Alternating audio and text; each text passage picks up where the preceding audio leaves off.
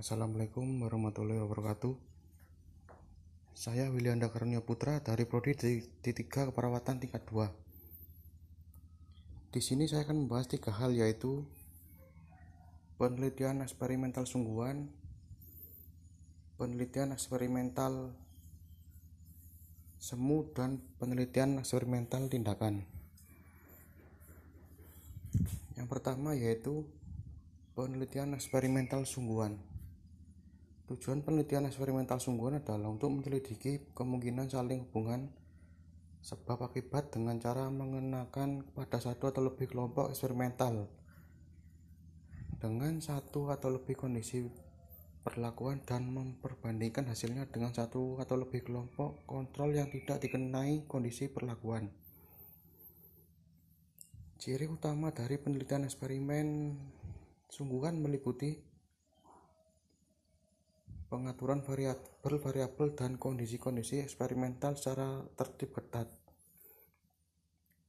baik dengan kontrol atau manipulasi langsung maupun dengan randomisasi. Dan yang kedua yaitu penelitian eksperimental semu. Tujuan penelitian eksperimental semu adalah untuk memperoleh informasi yang merupakan perkiraan bagi informasi yang dapat diperoleh dengan eksperimen yang sebenarnya. Dalam keadaannya tidak memungkinkan untuk mengontrol atau memanipulasikan semua variabel yang relevan.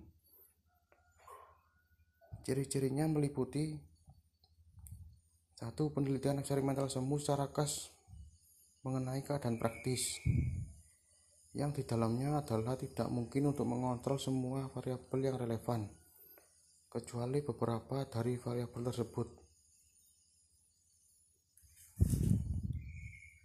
Yang ketiga yaitu penelitian tindakan adalah suatu penelitian dengan melakukan tindakan terhadap suatu kelompok orang atau masyarakat dengan tujuan untuk menjadikan perubahan terhadap situasi, perilaku, atau organisasi dan mekanisme kerja atau sebagainya.